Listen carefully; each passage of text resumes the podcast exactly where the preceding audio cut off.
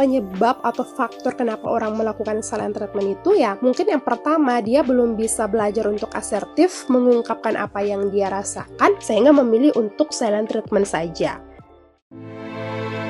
Ngobrol dan cerita di anyaman jiwa yuk. Tenang, kamu gak sendiri kok. Halo, saya Dina Aryani, tim Halo Jiwa Indonesia. Podcast Anyaman Jiwa kali ini akan berbeda nih teman-teman dari sebelumnya. Saya akan kasih tahu terkait cara bahaya silent treatment buat diri sendiri dan orang lain. Tapi sebelum kita mendengarkan obrolan kali ini, jangan lupa ya follow dan beri rating terbaikmu untuk podcast Anyaman Jiwa di Spotify. Serta jangan lupa untuk nyalakan notifikasinya ya, supaya ya teman-teman semua bisa dapat info setiap ada episode terbaru yang tayang di hari Rabu dan Jumat. Nah, teman-teman, di episode kita kali ini kita akan membahas tentang bahaya silent treatment buat diri sendiri dan orang lain. Mungkin teman-teman sendiri sudah pernah dengar nih istilah silent treatment, tapi masih bingung sebenarnya silent treatment itu sendiri apa sih dan emang bahaya ya buat diri sendiri. Terus untuk orang lain gimana? Nah, jadi teman-teman sekilas silent treatment itu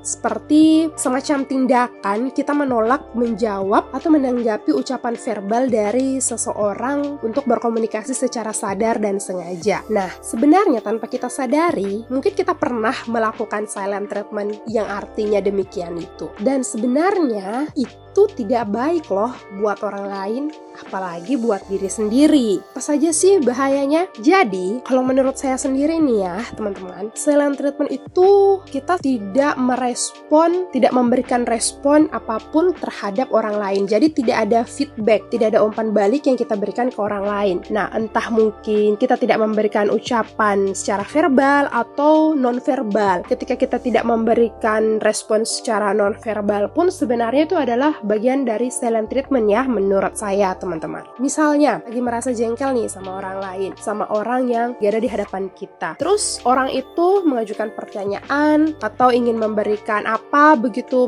pernyataan mungkin kepada kita. Tapi karena perasaan kita yang marah, jengkel dan segala macam, jadinya kita memberikan respon hanya berupa uh, respon nonverbal yang tiba-tiba pergi dengan muka marah atau dengan muka yang agak cemberut dan segala macam. Tapi kita tidak tidak menyampaikan bahwa kita marah atau tidak senang sama orang itu sehingga sebenarnya itu adalah bagian dari silent treatment yang kita lakukan. Nah, dan silent treatment yang kita berikan itu sebenarnya ada side effectnya loh buat orang lain atau buat orang yang tadi ada di depan kita itu dan juga untuk diri sendiri kita juga. Nah, apa sih side effectnya itu? Side effectnya itu ya pertama untuk orang lain mungkin orang lain akan merasa tidak enak dan tentunya orang lain tidak akan paham kok dia dia tiba-tiba pergi ya? Kok dia tidak memberikan respon apa-apa ke saya? Sehingga orang lain jadinya bingung, tidak paham dan bukannya introspeksi diri tapi justru bisa jadi marah balik seperti itu. Nah, terus side efeknya buat kita sendiri diri sendiri apa? Jadi efek samping untuk diri sendiri itu ya bisa jadi karena kita tidak berusaha mengeluarkan emosi negatif yang ada di dalam diri kita. Jadinya emosi negatif itu jadinya terkubur terkubur dalam-dalam sehingga takutnya ketika dia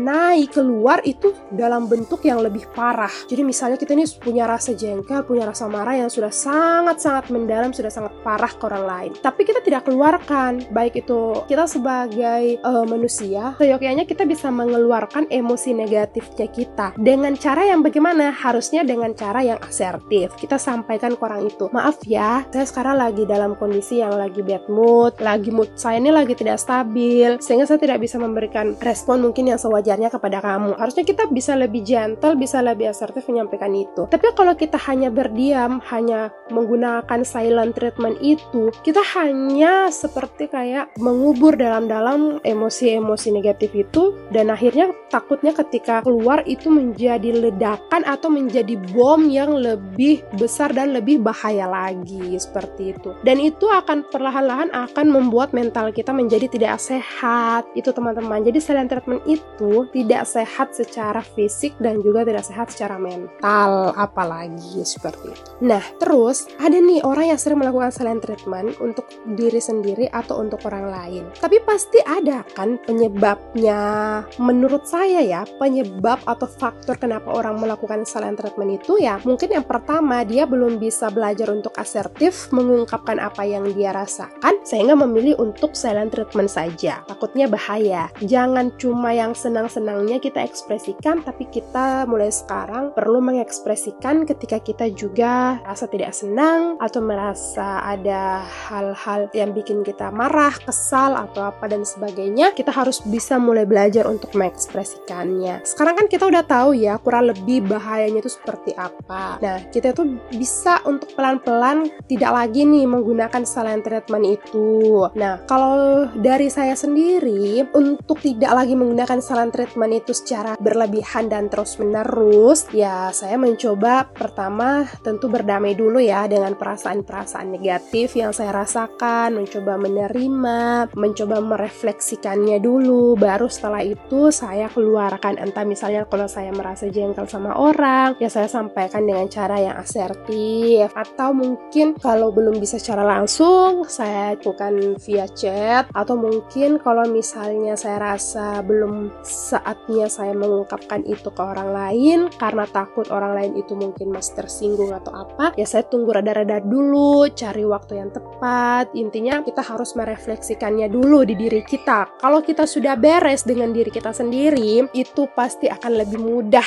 menyampaikannya ke orang lain. Jadi teman-teman uh, silent itu sebenarnya bukan hal yang baru. Sebenarnya kita sudah sering melakukannya tapi mungkin kita belum ada yang belum sadar bahwa yang kita lakukan itu adalah silent treatment. Jadi hanya cuma diam saja kita marah kita kesal tapi diam saja. Terus bertingkah seolah baik-baik saja. Padahal sebenarnya di dalam hati ini lagi tidak baik-baik saja. Jadi seperti itu untuk apa sih? Kita pendam-pendam untuk apa kita sembunyikan-sembunyikan takutnya jadi uh, hal yang akan merusak mental kita secara perlahan. Jadi kalau ada hal yang tidak kita senangi ada hal yang tidak berjalan sesuai ekspektasi kita kita belajar salurkan. Walaupun kita tidak bisa menyalurkan secara verbal kita bisa salurkan mungkin lewat tulisan atau media lain untuk teman-teman yang punya kreativitas tinggi mungkin mungkin menularkannya lewat gambar lewat animasi-animasi lewat desain grafis lewat melukis yang bisa mengekspresikan emosi-emosinya. Kalau teman yang mungkin mudah untuk berkomunikasi secara verbal ya mungkin bisa dikeluarkan dengan cara itu. Intinya hal-hal negatif dalam diri kita entah itu perasaan negatif hal-hal yang mengganjal dalam diri kita yang